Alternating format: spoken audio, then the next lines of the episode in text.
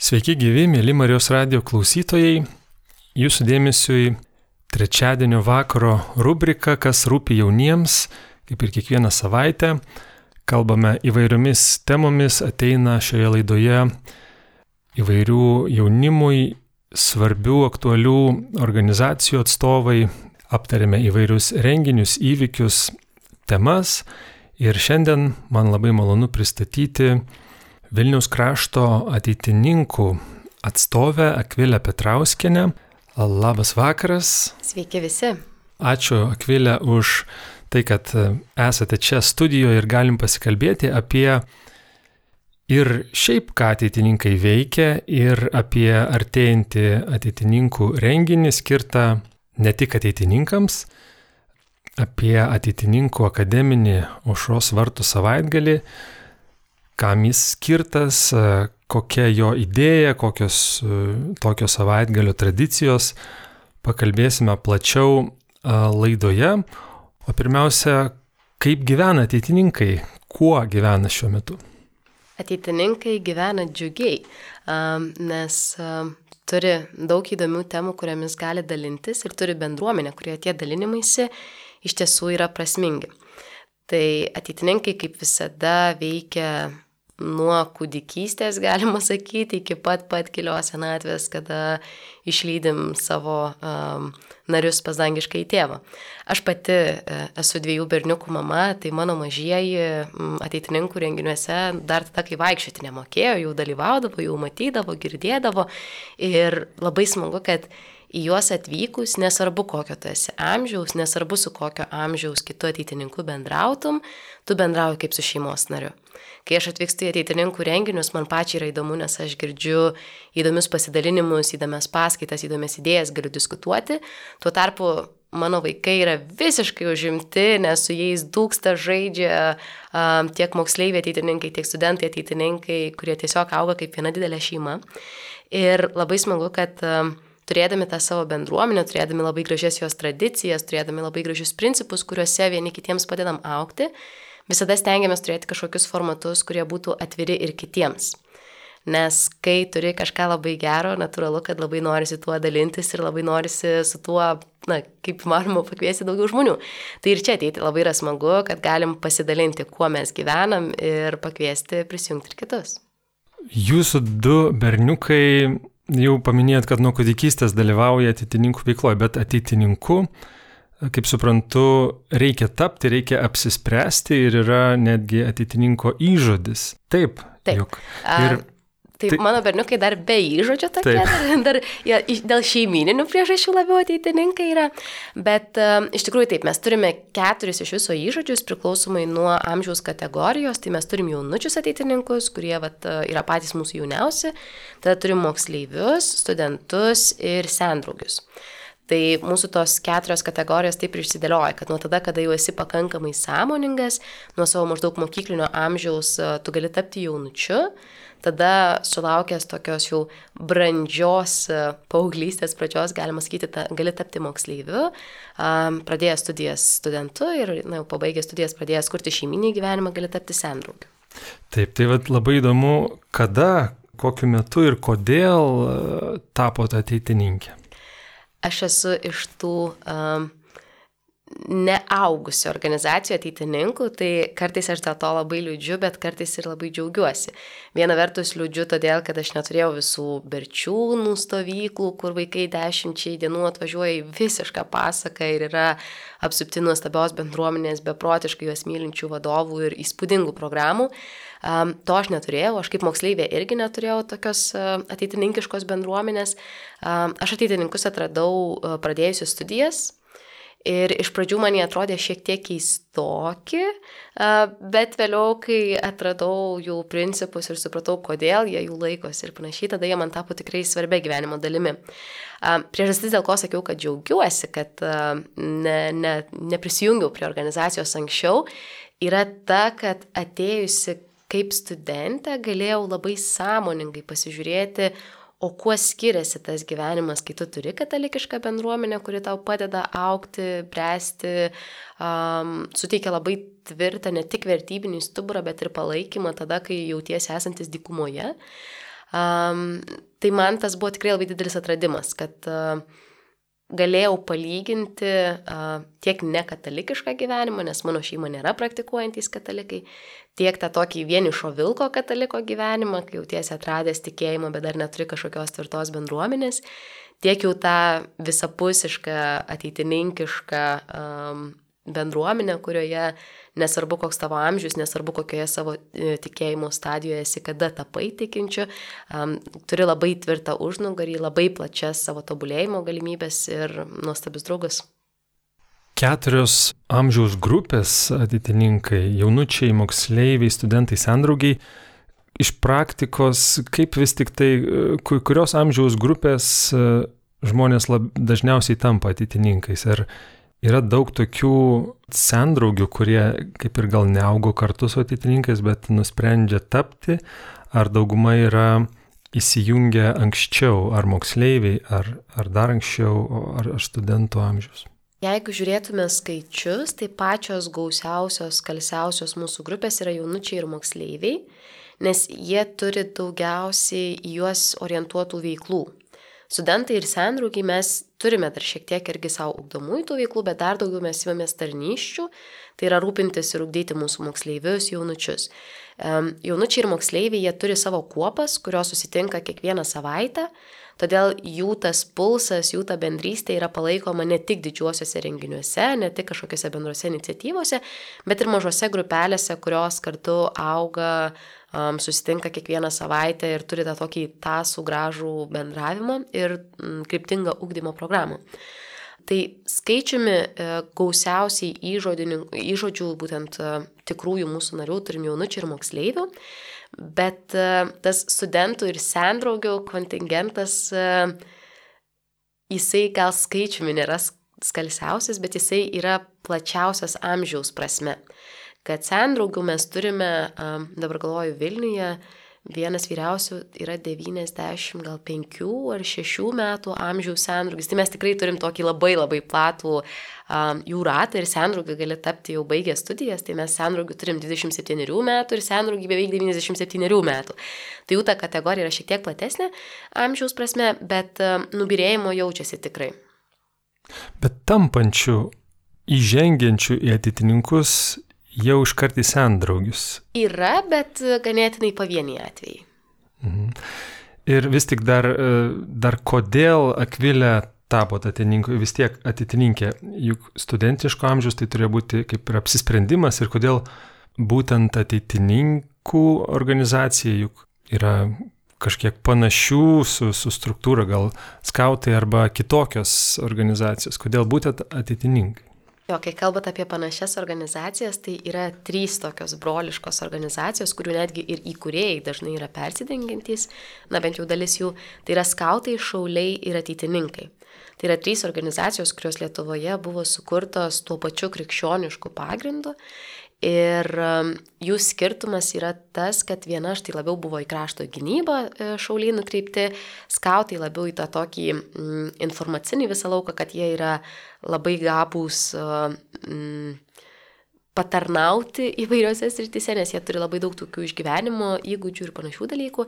Ir ateitininkai buvo tie, kurie um, buvo labiau linkstantis ir yra labiau linkstantis į inteligentiškumo pusę. Tai tie penki ateitininkų principai - katalikiškumas, visuomeniškumas, inteligentiškumas, šeiminiškumas ir tautiškumas - man ir išpildė tą tokią pilnatvę. Mes labai dažnai savo organizacijos viduje arba kai tiesiog kažkam pristatinėjom savo organizaciją, sulaukiam klausimo, tai kuris ateitininkų principas yra pats svarbiausias. Nes mes jų turime penkis, mes juos laikom lygiaverčiais ir kiekvienas galėtų atsakyti gal šiek tiek skirtingai, bet man atrodo, kad um, katalikiškumas apimtų juos visus, bet ne visa, ne kiekviena katalikiška bendruomenė išpildytų tuos visus penkis principus. Tai viena vertus, jeigu tu esi geras katalikas, tai natūralu, kad tu mylėsi savo tėvynę, natūralu, kad tu būsi visuomeniškas, nes tai yra viena iš tarnystės formų, natūralu, kad tu sieksi būti uh, išsilavinęs, sieks to inteligentiškumo, nes tau yra skirtas kūnas, tau yra skirtas protas, tai tu visada stengiasi na, geriausią savo versiją tapti. Ir šeiminiškumas be abejo irgi yra na, labai svarbi kataliko vertybė. Tačiau um, dažnai kitos organizacijos daugiausiai orientuojasi būtent į tikėjimą ir jo stiprinimą ir visų kitų šitų principų neišpildo. Tai man ateitininkų principų ta lygybė, vienybė ir uh, pilnatviškumas, tiksliau pilnatviškumas, kurį jie suteikia ir buvo ta priežastis, kuri paskatino prisijungti.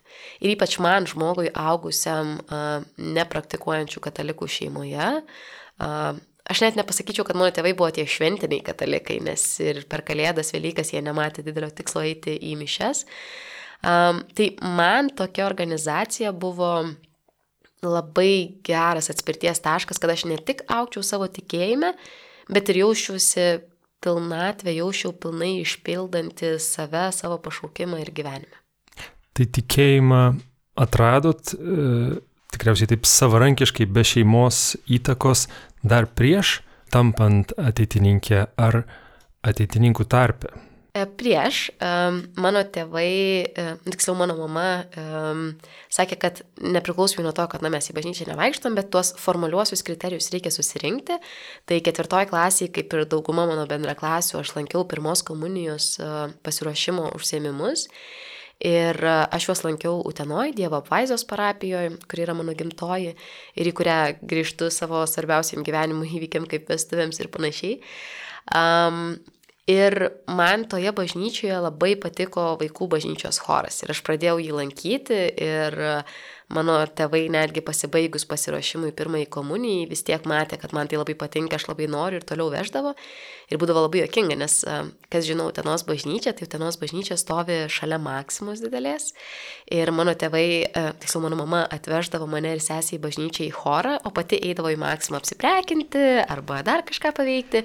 Tada po mišių ateidavo mus pasiimti. Na, kartais, jeigu labai neturėdavo nuotaikos, tai ateidavo į mišes paklausyti, kaip mes dainuojam, pasakiau. Ir, žodžiu, taip ir būdavo. Tėtis iš viso į bažnyčią gal du ar tris kartus yra atėjęs, kai jau tikrai įspūdingas uh, programas didžiųjų švenčių progą ruoždavo choras, bet um, man tas choras, įėjimas į chorą buvo labiau dėl dainavimo, netgi aš to tuo metu su gėdojimu nelabai sėdavau ir dėl tos tokios irgi draugų kompanijos negu dėl tikėjimo. Ir tik tai vyresnėse klasėse um, Nežinau, kodėl vieną kartą atėjus sekmadienį mišę sakiau, šiandien nekalbėsiu su draugais visas mišęs, šiandien norėčiau, na, paklausyti, ką ten žmonės kalba iš tikrųjų. Ir kažkaip klausiau uh, labai ir pamokslą, ir per visas mišęs tikrai buvau labai susitelkusi, ir per tėvę mūsų maldą, uh, kurią mes įprastai gėdam toje parapijoje, uh, kažkaip pirmą kartą iš tikrųjų įsiklausiau į šitos maldo žodžius ir labai jie man surezonavo. Ir tada pajaučiau, kad hmm, gal bažnyčia ne tik vieta, kur sekmadieniais galima susitikti, paplėpėti su draugais, gal tikrai čia verta skirti daugiau dėmesio. Bet tas atradimas irgi buvo, kad um, jeigu nebūčiau turėjus tolimesnio palydėjimo, jisai būtų taip ir tiesiog trumpa žiežirba mm, praėjęs mano gyvenime. Nes tada šiek tiek labiau susidomėjau, šiek tiek aktyviau gal dalyvaudavau šventose mišiose, man jos nebebuvo, tik tai padainavau ir išėjau. Tačiau tikrasis tikėjimas jau labiau studijų metais atėjo. Ačiū už e, liūdėjimą, už tikėjimo liūdėjimą. Ateitininkai tikriausiai vat, tą vedimą gali suteikti e, žmogui, kuris e, nori tikėjimo vedimą. Ar gaunate, ar gal daugiau jau tie studentai ir sendraugiai bando vesti jaunesniuosius organizacijoje ir palydėti, pavėdėti ir gauname, ir teikiame. Priklausomai nuo to, kokioje savo formoje esi ir kokie yra tavo paties lūkesčiai ir kokie yra tavo talentai. Nes studentai ateitininkai, kuo mane jie labai žavi, jie turi labai daug intel, tokių intelektualių diskusijų ir labai dažnai apima tas temas, kuriuose um, gali sudvėjoti, būdamas pasaulietinėme tiesiog pasaulyje ir netikinčių pasaulyje. Tai tas mane labai stiprino e, iš tikėjimo pusės tuo, kad e, loginiai argumentai nenumuštų tavo tikėjimo, nes tu pamatai, kad iš tikrųjų tiek mokslas ir religija nėra priešai, tiek e, kažkokie mitai sklandantys apie bažnyčią ar apie patį tikėjimą, jie irgi yra na, tokie labai paviršutiniški ir lengvai dekonstruojami. Tai tas, man atrodo, yra didelis privalumas ir kartu studentų ateitininkų sąjunga ganėtinai daug dėmesio skiria uh, tam būtent dvasiniam vedimui, turim dažnai savo dvasinius tėvus, visada suteikiamas sąrašas dvasininkų, su kuriais mes bendraujame, kad jie padėtų, palydėtų ir irgi užtikrintų, kad, na, dykumos tikėjimo neaplankytų, ar jeigu aplanko, tai bent jau neužsitęstų. Ateitininkų organizacija istoriškai turėjo labai didelę įtaką Lietuvai kūrintis, buvo svarbi, vienijanti daug Lietuvos intelektualų. Ar dabar yra toks siekis būti ryškiais visuomeninėme gyvenime ir daryti įtaką? Taip, čia e, toks klausimas, kuris irgi mūsų organizacijos viduje e, turi dviejopą atsakymą, nes viena vertus e, mes daug dėmesio skiriam savanorių ūkdymui, kita vertus mūsų pati organizacijos susikūrimo priežastis neleidžia mums būti pasyviems stebėtojams to, kas vyksta aplinkui. Nes ateitininkų susikūrimas, kaip, kaip tik jau ir paminėjai, ar ne, jis irgi buvo susijęs su tuo, kad ateitininkai, na, tuometiniai dar kol kas tik tai keliantys klausimų žmonės, jie buvo mm, patys tikintys ir matė, kiek daug aplinkui yra plintančio netikėjimo, netiesos ir kaip tai neigiamai veikia mūsų visuomenė. Tai natūralu, kad mes tą nuomonės dalymusi ir įtakos aspektą irgi stengiamės išpildyti. Mūsų organizacija turi nemažai skirtingų savo veikimo lygmenų Ir kai yra kažkokie klausimai, kurie yra visuomenėje aršus, mes visada siekime pasisakyti jais, siekime išsakyti tą tokią katalikiško jaunimo poziciją, nes turim pakankamai narių, turim pakankamai talentingų žmonių ir ypač mūsų tie patys sendraugiai ir vyresnio amžiaus studentai ateitininkai, jie jau yra savo sričių profesionalai, jie gali pateikti ne tik emocijomis grįstą, bet ir tikrai svarų, kompetitingą požiūrį ir tą tikrai naudojam. Vienas iš tokių paskutinių gal pavyzdžių būtų um, visos diskusijos dėl gyvenimo įgūdžių ugdymo programos, kurios tikrai buvo labai aršiai svarstomos ir ką mes matėm savo organizacijos viduje, kad uh, dvi stovyklos, kurios pateikia savo pozicijas, abijos yra nerealistiškos ir abijos yra a, turinčios neigiam, galinčios turėti neigiamų padarinių. Todėl irgi ieškojom formatų, siūlėm savo sprendimus, kaip galima m, spręsti tą situaciją, kad tikrai a, jinai būtų kiek įmanoma naudingesnė moksleiviams, kuriuos ir turėtų pasiekti ir kartu nepažeistų tėvų teisės ugdyti jų a, vaikus pagal jiems a, svarbias vertybės. Taip. Girdėjusi atitininkų nuomonė ir, balsas šiuo klausimu, tai džiugu, kad atitininkai ir toliau stengiasi daryti teigiamą įtaką visai visuomeniai. Mėly Marijos radio klausytojai, šį vakarą kalbamės apie ateitininkus su Vilniaus krašto ateitininkų atstove Akvilė Petrauskinė ir apie tai, ką ateitininkų organizacija Vilniaus krašto ateitininkai artimiausių metų e, siūlo e, renginys skirtas moksleiviams akademinis aušros vartų savaitgalis. Artėja visų pirma, e, tai yra tradicinis renginys, kaip suprantu, ir įdomu, kaip šita tradicija gimė ir kaip keitėsi, koks tas nusistovėjęs tradicinis tokio savaitgalio formatas? Taip, tai um, aš kaip tik eidama į laidą bandžiau suskaičiuoti kelintas tai bus akademinis savaitgalis, kuriame vienai per kitaip dalyvauju prisėdama prie įgyvendinimo. Ir jei neklystu, tai yra jau devintasis toks renginys, prie kurio prisidedu, tai um, dar trupučiuką, dar pusmetis ir galėsiu švesti tokį visai gražų jubiliejų. Um, tai Iš viso mes turim du Vilniaus krašte tokius akademinius uh, savaitgalius, tai yra Užros vartų ir Švento Kazimiero savaitgalis. Vieną turime lapkritį, jis sutampa su Užros vartų atlaidais, kitą turim kovo pradžioje, kuris su Švento Kazimiero diena su, uh, sutampa. Ir iš tikrųjų uh, šis renginys pirmą kartą atsirado prieš uh, keliolika jau metų. Uh, tuometinė Vilniaus krašto ateitininkų vietovės valdyba, matydama, kad turime nemažai aktyvių kuopų, kurios veikia m, dažniausiai na, individualiai kiekvieną savaitę susitinka, kad jos turi ganėtinai mažai veiklų, kuriuose gali bendrai pabendrauti, ypač jaunesnių klasių moksleiviai. Ir kartu, kad Vilniuje mes turim ganėtinai daug susidomėjusių žmonių, kurie galbūt norėtų sudalyvauti, vaikai, kuriems įdomu, ką veikia ateitininkai, tačiau ne visada randa, kur tai galėtų įgyveninti. Tai taip ir gimė toksai formatas - Užos vartų savaitgalis ir Švento Kazimiero savaitgalis. Tai yra akademiniai savaitgaliai, kuriuose dalyvauja 5-10 klasių moksleiviai. Um, oficialiai 50, iš tikrųjų šiemet e, sulaukėm laiškų tevelių prašymų, tai turėsim ir mažuliukų grupę, ketvirtokėlių, e, nes mačiau ir vienas trečiokas biurots buvo užsiregistravęs, ir turėsim vyresnių vienuoliktokų, kurie irgi jaučiasi truputėlį pasilgę šitų renginių, nes tikrai juose būna labai smagu. Tai pats renginys, jisai trunka tris dienas, prasideda penktadienį vakarop ir baigėsi sekmadienį mišiomis. Um, ir jisai yra toks kaip labai gerai suderinta pica, kurioje nieko per daug netrūksta, nieko nėra per mažai. Tai akademinė dalis yra paskaitos, turime nuostabius paskaitininkus, kurie kalba tikrai įdomi, įdomiamis temomis ir sugeba kalbėti taip, kad net ketvirtokui, kuris ne visada gal kantriai išsėdi pamokose, būtų įdomu klausyti ir kad jis sužinotų kažką, ką grįžęs namo norėtų papasakoti tėvams. Um, Taip pat turime nemažai aktyvių veiklų, tai yra iš įvairių išėjimų į miestą, kur gauna uh, interaktyves užduotis, interaktyvius kažkokius užsiemimus, kurie irgi padeda jiems daugiau sužinoti pasirinktą temą, tą, kurią būnam uh, paskyrę savaitgaliui.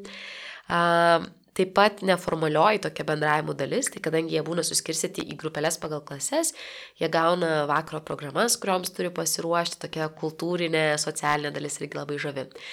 Šiais metais, kadangi Vilnius švenčia savo 700-ąjį gimtadienį, mes nusprendėme ir skirti tai būtent Vilniui.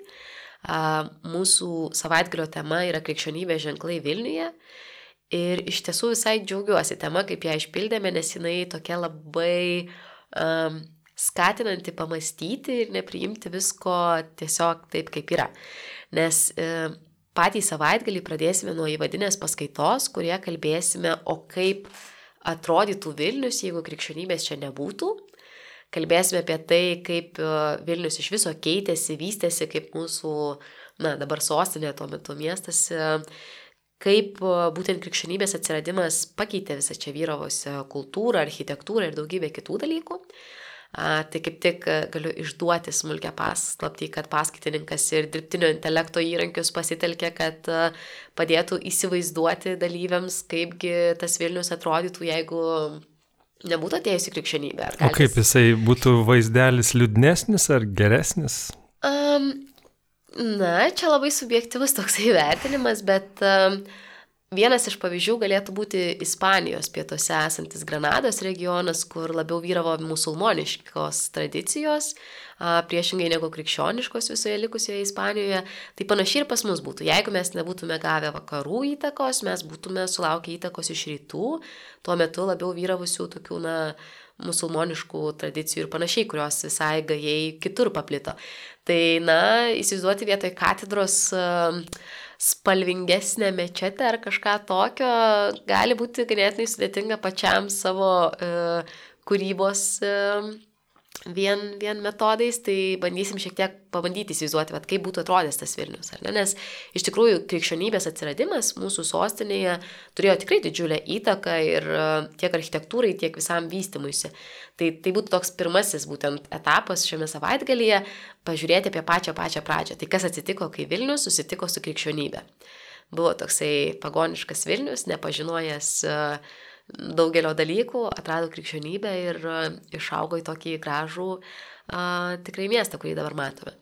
Tada šeštadienį daugiau skirsime laiko m, jau tik tų esančių, egzistuojančių, populiarių krikščionybės simbolių E, Vilniuje pažinimui. Tai turėsime ir pranešimą šią temą, kokie yra patys tie pagrindiniai simboliai ir turėsime išvyką į miestą, kur e, moksleiviai grupelėse lankysis e, įvairiuose objektuose, juos analizuos, daugiau sužinos apie istoriją ir panašiai. Kaip tik įdomumo dėliai klausiau, kiek šventųjų yra gyvenę vaikščioje Vilniaus gatvėmis. Įprastai daugelis atsako, kad du, nes žino Šventą Kazimierą ir Šventą Faustiną, o apie dar šešis čia buvusius net negali pagalvoti, kad dalis jų yra lietuviai, na, lietuviškas pavardės, bet jau turintys, irgi kartais yra visiška naujiena. Tai apie tai irgi kalbėsime, apie tuos pagrindinius krikščionybės ženklus. Na ir uh, taip nuo praeities per dabartį, natūralu, kad savaitgalį užbaigsime požiūrį į ateitį. Dabartinis Vilnius jis vis šio laikiškėja, modernėja ir naujų krikščionybės simbolių atrodo, kad jame nėra kuriama tiek daug. Tai pasižiūrėsime, kiek tie krikščionybės simboliai vis dar yra aktualūs mūsų miesto veidui, kiek šios tendencijos keisis ir kiek dar mes na, galim tikėtis kažkokių naujovių šioje srityje. Tai tokie pagrindiniai dalykai skamba labai akademiškai, tačiau Taip, skamba... mes sugebam visą tai labai labai pritaikyti pagal amžių, kad stengiamės per interaktyvumą, per žaidimą, per kūrybiškumą, visokias kūrybiškas užduotis e, kviesti moksleivius pažinti ir tyrinėti. Man atrodo, ateitininkų vienas žaviausių dalykų, kad jie labai rimtomis temomis, labai uh, na, žinių reikalaujančiomis temomis sugeba kalbėti tiek su sendraugiu, kuriam gali būti, na, jau gerokai virš 30, tiek su jaunučiu, kuris dar tik tai pradėjo penktą klasę, bet jam ir čia bus gerokai įdomiau pasiklausyti tokių, atrodo, kartais sudėtingų temų. Tai žodžiu, nors ir pats pavadinimas yra akademinis aušos vartų savaitgalis ir, ir temos paskaitos, bet vėja vaikai neturėtų bijoti registruotis. Galima. Oi, tikrai ne. Ir dar kai pamatys tradicinius ateitininkų žaidimus, tai nenorės savait, po savaitgalio grįžti ir namo. Uh, iš tikrųjų, mes uh, turim labai daug tokių stiprybių uh, tradicinių ateitininkų renginių. Štai pavyzdžiui, viena iš tokių man labai žavių stiprybių, kad uh, visada kiekviena grupelė turi du vadovus, įprastai vaikiną ir merginą. Uh, kurie lydi savo grupelę. Tai turi ryto aptarimus, vakaro aptarimus, naktipiečius. Čia mūsų moksleivių dalyvių mėgstamiausia dalis yra naktipiečiai, per kuriuos aptariame. O kas yra darbuotės? Aš programoje skaičiau. U, gražus žodis. Darbuotė, labai gražus žodis. Taip iš tikrųjų apie atininkus skaitant ir darbuotė gražus žodis, ir išvadinė paskaita, ir kuopienai, tai taip, ateitininkai taip. išradingi. Uh, Iš tiesų yra labai daug žodžių, kuriuos mes prisikeliam, kurie anksčiau buvo naudoti, o dabar nenaudojami galbūt, ar na, netaip dažnai sutinkami. Mano gal vienas gražiausių žodžių, tokių ateitininkiškų, yra suoprotis. Tai studentų toksai formatas, kur irgi susitikdavo kas mėnesį aptarti įvairias temas ir vadindavo tą susitikimą suopročiu, kad gilintų savo žinias. Tai mm, darbuotės yra interaktyvi dalis kai grupelės gauna kažkokias užduotis, gauna kažkokį tikslą ir darbuojasi kartu. Darbuojasi dėl bendro tikslo, darbuojasi tam, kad geriau pažintų uh, temą, kad įveiktų tą užduotį, kuri jiems duota ir panašiai. Tai yra vienas iš tokių neformalaus ugdymo metodų, kai mes tengiamės, kad uh, tas teorinės žinias, kurias išgirsta iš paskaitininkų, kad jas palydėtų įtvirtinimas per tą būtent praktinę dalį, kai jie patys bando suprasti, patys bando įsivaizduoti, patys bando analizuoti, patys bando uh, sukurti kažkokį tai rezultatą. Ir visa tai ir telpa į darbuotės, kur jie niekada nežino, ko reikia tikėtis ir visada būna maloniai nustebinti rezultatą. Dabar, kaip, kai kalbam, prisiminiau, kad mes nepaminėjom nei datos, e, savaitgalis vyks lapkričio 17-19 dienomis Vilniaus Švento Juozapo mokykloje. Ir, mėly klausytojai, kuriems įdomu ar kurie pažįstate moksleiviško amžiaus jaunuolių, kuriems galėtų būti įdomu, turėkite omenyje šias datas, bet taip pat, kad turėtumėte suskupti registruotis, nes tai galite padaryti dar kiek iki rytojaus ryto. Šiandien yra tokia paskutinė diena, tai kaip sakant, tas e, paskutinis priminimas, kad kol galit, griebkit, nes tikrai gera proga. Iš tikrųjų, e, man atrodo, kad užšos vartų savaitgalis yra vienas tokių palankiausių renginių susipažinti su ateitininkais.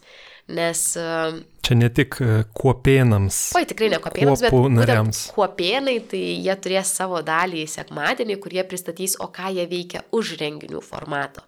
Nes, kaip ir minėjau pradžioje, mūsų renginiai kyla iš to, kad mes patys tiek džiaugiamės savo organizacijos viduje, kad turime tiek gerų paskaitininkų, tiek gerų temų, tiek uh, įdomių dalykų, kuriais norim kalbėti, kad stengiamės juos, kai ir tik yra galimybė pakviesti ir kitus. Tai užos vartų savaitgalis tikrai yra vienas neformaliausių renginių ir kaip tik prieš ateidama žiūrėjau registraciją, tai jis yra tiek mėgstamas, kad turim dalyvių ir iš Panevežio užsiregistravusių, ir iš Kauno, kurie atvyks, nes žino, kad e, šie savaitgaliai tikrai nenuvilia. Taip, ir jeigu kartais nespėtumėte susisgripti, registruotis, tai jau paminėjote, kad būna ir Švento Kazimiero. savaitgalis ir šis toks savaitgalis arba tokie du savaitgaliai yra tradiciniai, tai sužinoję dabar, susidomėję dabar, galite laukti kitų ateinančių Galite ne tik laukti, bet ir kalendoriuose pasižymėti, kad kovo 1-3 dienomis bus Švento Kazimiero savaitgalis. Registracija visada paskelbė maždaug mėnesį prieš, tai kaip tik man atrodo ir čia nepaminėjome, kad registruo... E, informaciją apie renginį galite rasti ateitis.lt puslapyje arba Facebook puslapyje Vilniaus krašto ateitininkai. Ten visada dalinamės mūsų tradiciniais renginiais, registracijos formomis ir kitais dalykais. Tai tikrai galite apsilankyti ateitis.lt arba Facebook'e Vilniaus krašto ateitininkai. Kaip šis akademinis aušros vartų savaitgalis siejasi su aušros vartų atlaidais? Ar kažkaip dalyviai dalyvauja atlaiduose, ar, ar kodėl jisai vadinasi aušros vartų savaitgalis? Aušros vartai yra vienas svarbiausių krikščionybės simbolių ir mums tai buvo labai graži tokia proga uh, savo kažkokį renginį uh, susijęti su svarbiu visiems katalikams įvykiu, nes tai tikrai nėra tik Vilniečiams aktuali šventė, sulaukiam svečių ir iš kitų miestų. Tai visada jau tokia tradicija, nežinau kiek metų, yra, kad šeštadienio vakarą Teresės bažnyčioje kai vyksta tos jau didžiosios, kaip vadiname, mišios, kur dalyvauja daugybė jaunimo, jos yra skirtos jaunimui ir ateitininkams. Jeigu kažkas nuspręsite, kad gal dar nesat pasiruošę dalyvauti renginyje, tai labai kviečiu bent į šias mišes atvykti. Kaip tik jų metu taip pat bus duodami ateitininkų įžodžiai. Kol kas mačiau, kad turime porą jaunučių, porą moksleivių ir tikriausiai turėsime vieną studentą. Tai štai matysi tokį labai gražų mūsų įvairių amžiaus kategorijų tą vienį, kurį turime savo renginiuose ir savo organizacijoje. Uh, tai tikrai. Matysite ateitininkus mišių metu stovinčius su vėliavomis. Su vėliava, su mūsų ženkliukais, pakeičiamos. Taip, taip. taip. Tai tikrai tos mišios e, tikrai nereikalauja registracijos, bažnyčia gan didelė, tai tikrai kviečiame lapkričio 18 dieną 19 val kokius vat, tuos, kaip buvo paminėta jau ateitininkų principus - katalikiškumas, tautiškumas, šeiminiškumas, visuomeniškumas, inteligentiškumas, kokie iš tų principų bus labiausiai, nežinau, gvildenami, treniruojami ar pabrėžiami šito savaitgalio metu?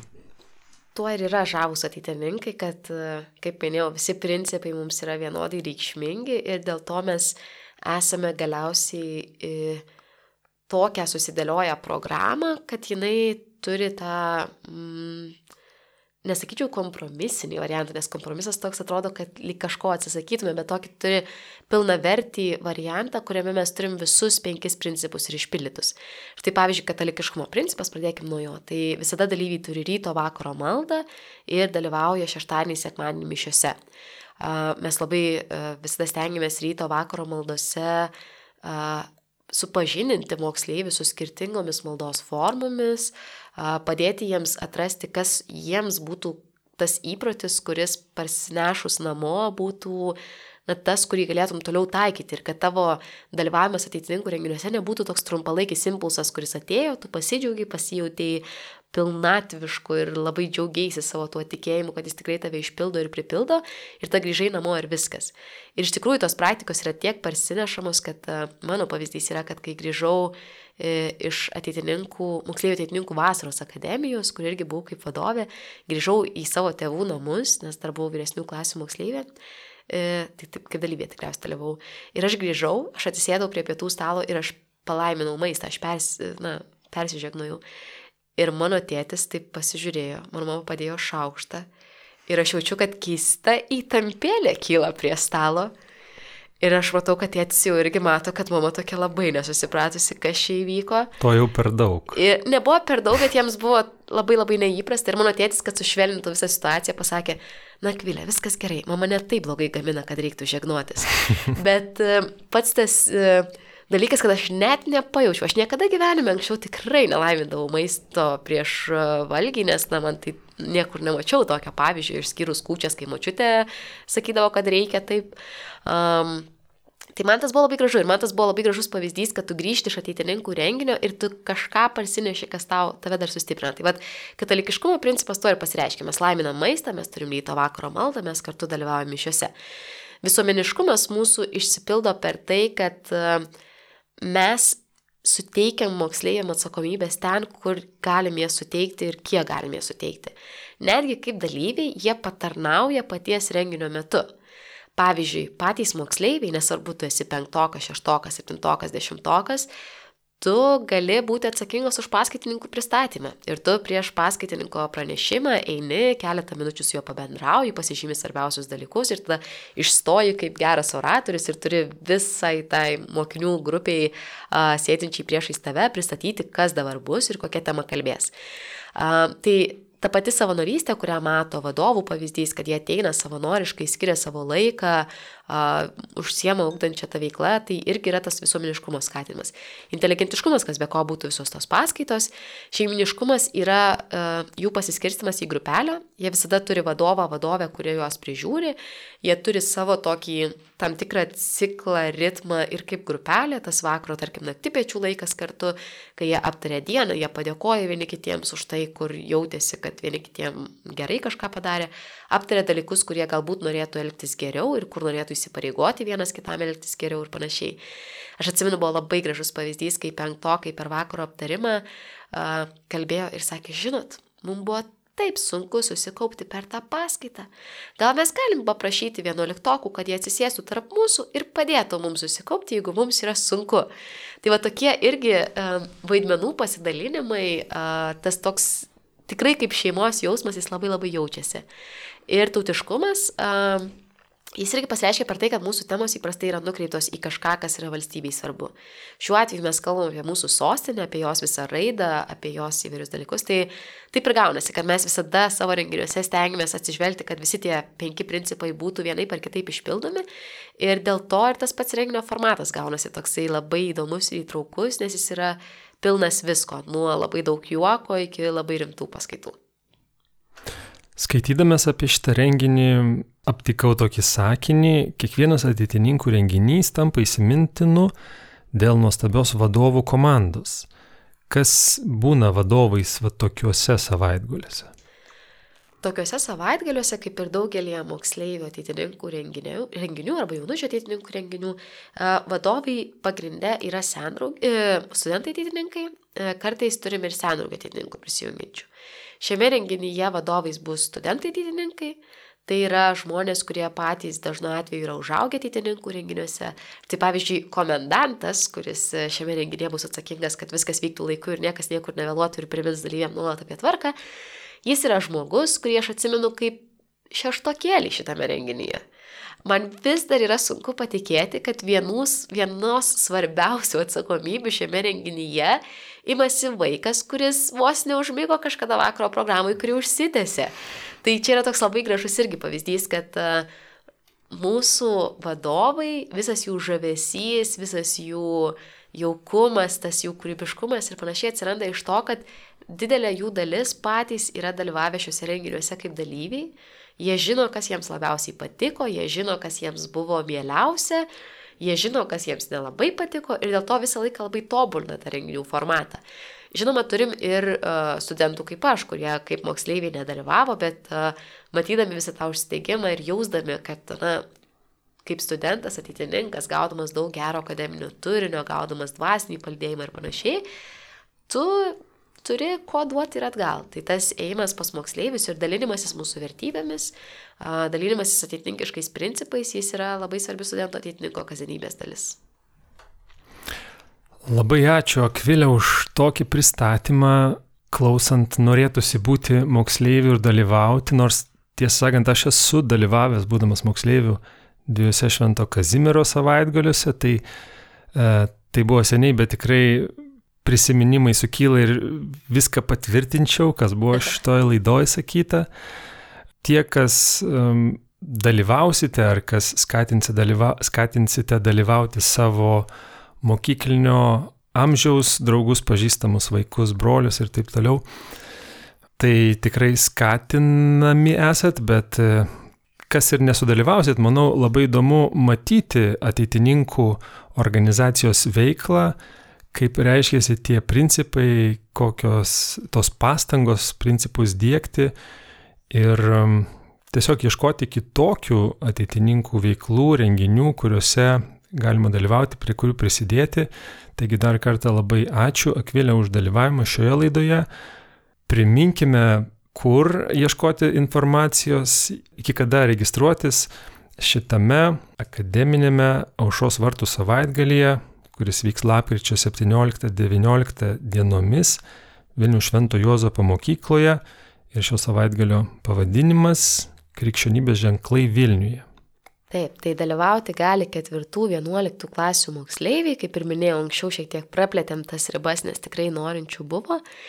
Ir registruotis galite ateitis.lt puslapyje, ten rasite straipsnį apie aušos vartų savaitgalį, arba galite apsilankyti Facebook puslapyje Vilniaus krašto ateitininkai, kur taip pat rasite aušos vartų savaitgalio renginį.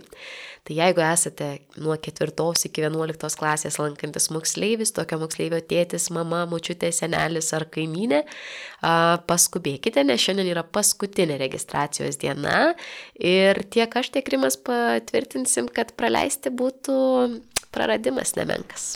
Nebent tai būtų paskata susisgripti kitą kartą į artėjantį tokį savaitgalį, savaitgalį registruotis. Tai atsisveikiname, mėly klausytojai, su jumis. Laidoje dalyvavo Akvilė Petrauskenė, Vilniaus krašto ateitininkų atstovė. Aš Rimas Macevičius, atsisveikiname su jumis iki kitų kartų. Gražaus vakaro ir iki susitikimo savaitgalį. Sudie.